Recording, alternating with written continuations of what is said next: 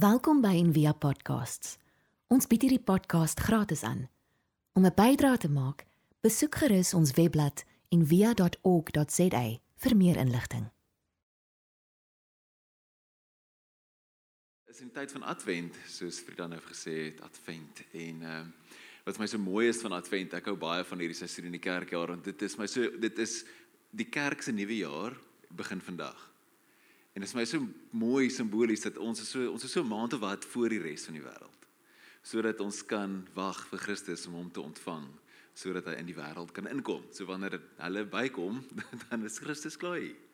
En daar's iets mooi daarin. En Advent is 'n baie ook 'n eintlike uitdagende uitdagende tyd en 'n 'n tyd om weer te dink oor maar vir wat wag jy eintlik? En Advent Advent nooi ons altyd uit na 'n besluit toe. Christus kom en wat is jou besluit? Wat sê jy oor hom? En ehm um, so net so so 'n paar gedagtes. Dit voel altyd my so snaaks om te preek nadat Frida so mooi gesing het, maar ehm um, is 'n paar gedagtes. So ons mense, ons hou nie van ons hou nie van wag nie. He. Ek het so 'n vriend van my Pieter.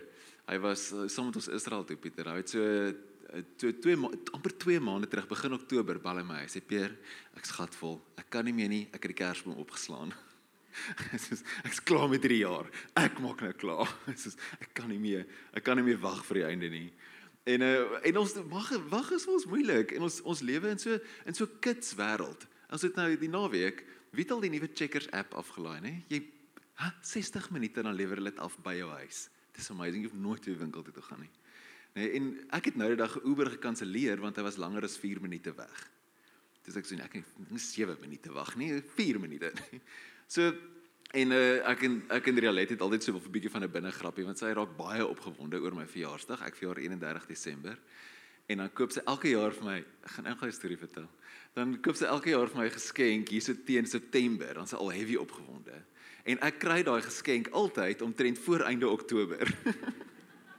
Sê sy hierdie jaar sy het my horlosie gekoop en ek het klaar die horlosie gekry en opgemaak. Sy kan sy kan nie wag nie. En dan sê sy ja, maar ek gaan nie vir jou iets anders koop nie, maar dan koop sy anyway altyd vir my iets anders ook. So ek kry altyd self twee geskenke. So weet wag is vir ons moeilik as mense. Dit is nie vir ons lekker nie. Ons hou nie daarvan nie. En maar so groot deel van ons lewe is wag. Ja, eintlik ons hele lewe. Henry Nouwen sê omtrent 98% van ons lewe is net is net wag. En ons sien dit as soos 'n weet 'n absolute 'n mors van tyd of is hierdie Henry Nouwen beskryf dit as hierdie woestyn tussen waar ek is en waar ek wil wees. Is hierdie wagtydperk. En ehm um, Jung het gesê dat die lewe is is eintlik 'n wagtydperk tussen die pari, die paradys van die baarmoeder en die paradys van die hemel en intussen tussenin wag ons maar net. So die die die mens is eintlik so vir die hierdie hierdie wagtende wese in 'n middeleeuse filosofie het hulle gesê daar's so ses goeters wat ons eintlik verwag. Ons wag vir transcendence, vir enlightenment, vir ligting, want ons het 'n siel. Ons wag vir kennis want ons het 'n intellek. Ons wag vir liefde omdat ons hart het. Ons wag vir erkenning omdat ons emosies het. Ons wag vir skoonheid omdat ons estetiese wesens is. Ons wag vir en dan die groot een, hè, die fisiese eenwording. Ek het gekyk of enige kinders in die kamer is. Die fisiese eenwording. Ons wag vir dit want ons het 'n lyf en ons het 'n liggaam, nê? En ek is altyd daai irriterende prediker wat nog steeds sê jy moet wag tot jy getrou het. En dan binne die Kaap is nie baie populêr nie. As ek sê nee, jy wag tot jy getrou het want my oupa het altyd gesê 'n gespande pyl skiet verder. so so. En eh uh, maar dan so dis dis dis mooi daarin. Daai maar dit is eintlik die hoof as jy die sielkundige gaan leer wag. Dis die groot ding waarvoor ons wag. Is daai oomblik van hier van 12 13 dan begin jy nou wag vir dit en dan wag jy nou vir dit en dan nou jy nou aan wag vir dit. Maar ehm um, so ons ons eh, eh, Henry Nouwen skryf ons aversie met wag het eintlik te doen volgens hom met vrees. En dit maak niks sin want as jy wag en jy is dit 'n manier van jy jy het nie jy het nie eintlik eintlik beheer nie. So nou wag jy vir iets om te gebeur en ons is bang iets gebeur met ons wat ons nie wil hê moet gebeur nie. So dan het ons hierdie hierdie is hierdie groot versoeking om om te dan te doen. Dis soos ek slaan eers terug. Weet hierdie klassieke narratief wat in die westerse wêreld is van 'n 'n preemptive strike, nê? Nee? Ons skiet hulle voordat hulle ons skiet. Want ons kan nie wag tot hulle ons skiet nie. So ons doen dit eers. Ek ek het hom, ek dink so 'n seentjie, een van my seentjie se vriende. Het gesê nie oom, ek het hom eers teruggeslaan. okay. En dit maar dis wat ons doen, want hoe, en en die die ding is hoe dieper ons in vrees is, nê, hoe minder kan ons wag. Hoe dieper ons vasgevang is in vrees, hoe moeiliker is dit vir ons om te wag. En hierdie ding van wag, die die Bybel weerspieël eintlik. Die Bybel is hierdie wonderlike dokument van dit weerspieël die menslike belewenis. So in die Bybel is dis 'n wagtende mense die hele tyd. So in elke in die in die individuele storie, maar ook die hele narratief, die metanarratief van dit gaan oor 'n mense wat wag vir 'n Messias, wat wag vir 'n God om hulle te kom red, wat wat wag vir iets om te gebeur. En dan kry jy die individuele stories van Abraham wat wag vir sy seun en Josef wat wag in die tronk en Dawid wat wag om koning te word en die Israeliete wat wag vir die beloofde land en dit so dis 'n wagtende dokument. En wat vir my so mooi is van dit, as jy die Nuwe Testament oopmaak en dit begin lees, dan die die die sien wat daar is, is hierdie wagtende mense. Veral die ehm um, die die Lukas Evangelie is my nogal spesifiek daaroor en interessant. So ek het vir julle hierdie fotootjie wys. Ons het dit in 'n glacier, dit was presies hierdie tyd actually toe ons in Israel was. Dit is ehm um, by die kerk van die herders van die oop velde. Dit was 'n kerk van die vir die herders. En dis 'n beeldjie wat daar gestaan het en toe was dit vir my so mooi, toe neem ek dit af. Ek sien die adventkrans wat voor dit staan. Ons het daar gesing saam met 'n klomp Latynse Amerikaanse mense. Dit was net amazing. Maar die die evangelie of die Lukas evangelie maak oop met ehm um, Ah ja. Maak oop. Sorry. Kom maak so. Asai. Die Lukas evangelie maak oop met hierdie wagtende mense. Ons sien soos Sagaria en Elisabet wat wag. As ons 'n stukkie lees Lukas 1 dit sê terwyl die wierookoffer gebring is, was die hele volksgemeente buite en Sagaria was binne om die offer te bring. Hy sê toe verskyn daar die regterhand van die wierookaltaar 'n engel van die van die Here aan hom en Sagaria het geskrik toe hy hom daar sien staan en hy het baie bang geword, maar die engel sê vir hom moenie bang wees nie. Sagaria, want jou gebed is verhoor. Jou vrou Elisabet sal jou seun skenk, jy moet hom Johannes noem. En dan net na dit in vers 30 gaan sê dit, dan sê die engel wat aan Maria verskyn en sê moenie bang wees nie, Maria want God bewys genade aan jou. Jy sal swanger word en 'n seun in die wêreld bring en jy moet hom die naam Jesus gee. En dan ons begin sommer die evangelie met twee swanger vrouens wat verwag.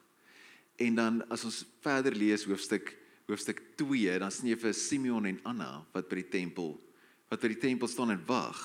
En Simon die teks lees dit sê daar het destyds 'n man met die naam Simon in Jerusalem gewoon Hy was getrou aan die wet en vroom en het uitgesien na die koms van die verlosser van Israel. En dan so 'n bietjie verder sê dit daar was ook 'n profetes Anna, dogter van Fanuel uit die stam Eser en sy was al baie oud. En dan sê dit aan die einde daar juis op daardie oomblik het sy nader gekom en God gedank oor die kindjie gepraat met almal wat na die verlossing van Jerusalem uitgesien het. So daar's so sê die die hele sien as die Bybel oopmaak, die, die Nuwe Testament oopmaak, is so hierdie mense wat wag wat in afwagting staan vir iets wat gebeur. En dan die woorde is so pertinent elke keer. Moenie bang wees nie. Want wag en vrees werk teenoor mekaar. Jy kan nie wag en vrees gelyk nie, want vrees werk teen wag. En as ons dan 'n bietjie dieper gaan kyk, net soos wat wat is wag? Hoe werk dit eintlik as jy wil loskom van die vrees en net wag? En wat so beautiful is van hierdie die die beeld van 'n swangerskap, is jy jy jy weet waarvoor jy wag. Jy wag vir hierdie kind om te kom. Dis is dis baie spesifiek. Want 'n wag wat nie 'n belofte het nie, is nie eintlik wag nie. Dis net amper kans. Dit sê maar hierdie ding het reeds begin in my. En binne in daai is daar so 'n sekerheid wat die vrees verlig. Dis nie net ek wag vir iets random om te gebeur nie en ek wens dis okay nie. Dis is alreeds maar nog nie. Jy's verwagtend. Die kleintjie is nog nie hier nie. Dis daai verloof maar nog nie getroud nie. nê? So om iets te hê, 'n belofte wat jy aanvas het terwyl jy wag, verhoed die vrees, werk teen die vrees. En uh, wag is ook nie iets passief nie. Want ons hou nie, ek meen ek dink ook vir my is dit goed so dis moeilik om passief te wees. Dis ek moet net wat moet ek nou net sit en niks doen. Dan dink jy het jy al 'n swanger vrou gesien hier in die tweede trimester. Daar's is niks van sit en niks doen nie. Daar's soos daar's goed om te doen. Jy moet regmaak. Die huis moet reg, babakamer moet reg, hierdie ding moet reg, daai moet reg. Alles moet regkom sodat daai kan gebeur. En dieselfde ding, enige afwagting van enige groot bruilof of enigiets. Dis nie passief wag nie, dis aktief werk dat dit kan ontvang word wat besig is om te gebeur en te ontwikkel. En dis oop. En hier is die die groot ding. Wag is dit gaan oor iets spesifiek, soos 'n saad wat in jou geplant is, 'n belofte, 'n ding wat voor jy wag. Maar dis nie heeltemal spesifiek nie. Dis oop aan daai kant. Want ek dink Richard Rohr vertel ook altyd daaroor dat dat ons ons verwagting op iets spesifiek om te sê ek wil hê hierdie ding moet gebeur. En dit moet so gebeur. En as dit nie gebeur nie, dan is ek die hel in. So daai beleef, dit moet so uitwerk. Ek wil daardie pos hê. Ek wil dit hê. Dit moet so wees. En jy het 'n wens vir iets baie spesifiek en daai is soos 'n resep vir swaar kry. Want die oomblik as dit nie gebeur nie, dan val die hele wêreld uitmekaar. So die die verwagting wat ons in die Bybel lees, die wag wat ons in die Bybel leef, lees is iets wat wat oop is. Wat sê ek vertrou die een waarop ek wag om te doen wat nodig is. En dan soos hoe wag ons? Ons wag, dis baie mooi ook in die Lukas Evangelie wanneer Maria hoor sy swanger dan sê die engel ook vir haar, hoorie, jou El Elisabeth is ook swanger. Gaan na haar toe. En dan gaan hulle saam en dan bly sy daar vir 3 maande en dan wag hulle saam. En dan vier hulle en toe sy sê, toe hulle aankom, toe skop die babatjie Johannes in haar maag en van blydskap. En dan vier hulle saam hierdie ding. Om saam te wag as gemeenskap. Om te sê maar ons is saam in hierdie ding. En dis hierdie beautiful ding wat ons doen elke Sondag om saam te kom en saam te sit. 'n Gemeenskap van ondersteuning en blydskap en bemoediging. En dan om te wag in God se in God se woord in sy beloftes om dit te onthou en dit te lees. En daar's so baie van hulle. Hier is een van net een van my gunstelinge. My sterkte op U wil ek wag want God is my rotsvesting. Dit sê maar ek wag in belofte in gebed. Henry Nouwen sê gebed is is ons wag vir die Here wat reeds gekom het. Hierdie God wat wat vooruitgaan. So en dis 'n baie baie belangrike deel en vir my die seker die mooiste deel van Christen spiritualiteit is dit dis altyd vooruitstrewend. Dis is dit reik uit na die toekoms toe. Dis nie tevrede met soos 'n stikkende gebroke hede nie. Dit aanvaar nie goed soos dit is nie. Dit sê God is besig om die aarde en ons en almal vorentoe te beweeg en dit het reeds begin. En dis wat Advent ons na toe nooi om te sê dat ons verwag hierdie ding. Simone Weil, daai die Joodse skrywer het gesê waiting patiently in expectation is the foundation of the spiritual life. Om te wag dat iets gebeur. Dat God iets gaan doen. En daai is wat ons na toe uitgenooi word in Advent. En ons ook 'n 'n ander aspek van wag. Dat dat wag is vormend dat wanneer ons wanneer ons wag en terwyl ons wag, word ons gevorm. As jy die die teks lees van Jesus, Jesus is baie aktief in die evangelies en baie intentioneel tot op soos een punt. Dan dan het hy die tuin van Getsemane en hy het hierdie vrees en dan gee hy oor. Dan lees die teks, hy word oorgelewer. Dit waar die van die vertalings lees in dat Judas het hom verraai, maar die die Grieks lees eintlik Judas het hom oorgelewer. En van daar af word Jesus passief. Hy doen hy laat toe dat alles met hom gebeur. En dan hierdie Paulus ego hierdie in die Romeine brief, hy sê God het sy eie seun nie gespaar nie, maar hom oorgelewer om almal te red.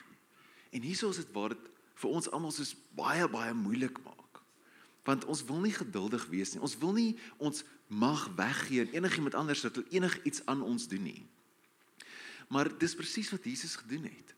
Hy het toegelaat dat hulle hom kruisig, toegelaat dat hulle hom stukkend slaan, toegelaat dat hulle hom doodmaak.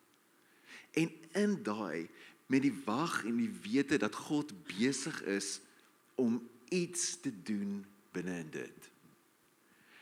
Wat gewoonlik vol vrees was, maar omdat Jesus in God was en in hom vertrou het, kon hy deur daai vrees gaan.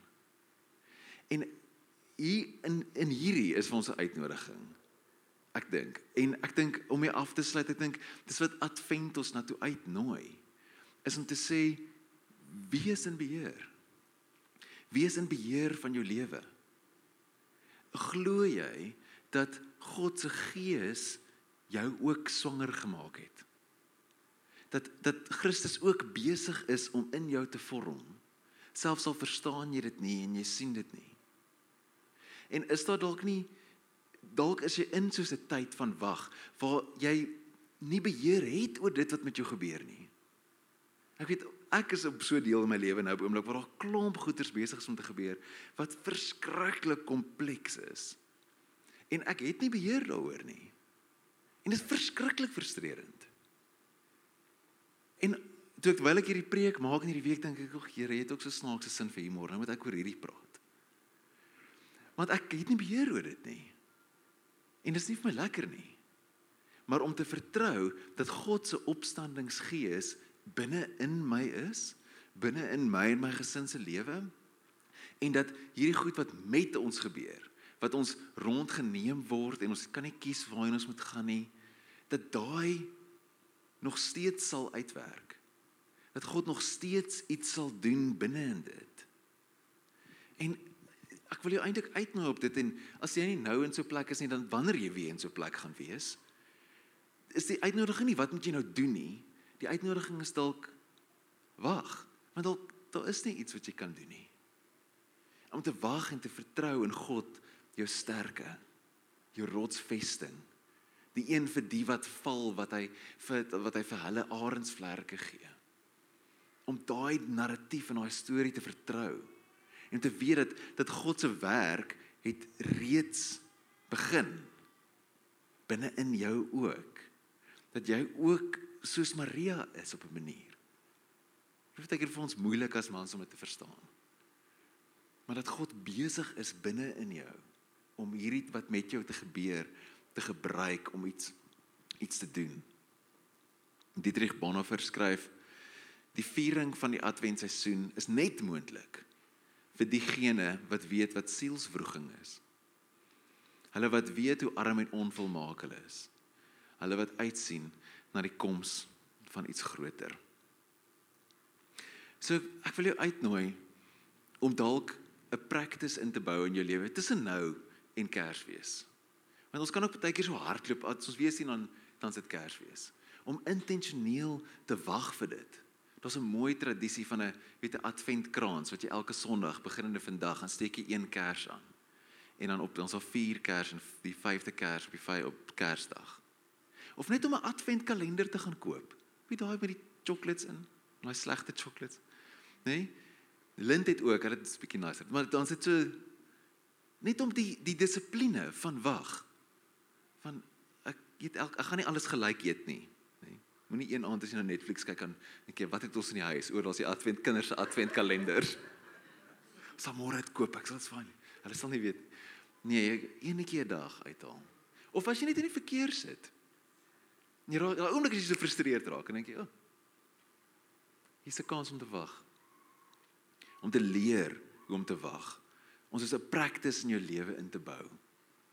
Van wag. Vas was ook altyd 'n deel van advent in die vroeë kerk klink vir ons vreemd want Kersfees gaan vir ons oor ekses. Om te vas, om iets te ontneem van jou lewe. En as jy nog nie getroud is nie om te wag. Gespande pyl skiet verder. Kom ek bid vir ons saam, julle. Dankie Here Jesus dat U vir ons goed is. Dat U saam met ons is. Here dat ons kan vertrou dat U reeds iets binne in ons begin het en dat ons deel is, opgeraap is in 'n storie van 'n herskepping van die wêreld. Help ons om te wag vir vir u koms, vir Kersdag en te wag dat u dat dit wat u in ons begin het, dat u dit sal voltooi. En dat dit wat met ons gebeur, selfs al is dit sleg en ongemaklik, dat dat dit vormend is vir ons. En dat ons sal vertrou dat u besig is om dit te gebruik. Ons loof u naam. Amen. Ons hoop van harte jy het hierdie podcast geniet of raadsaam gevind. Besoek gerus en via.ok.za vir meer inligting.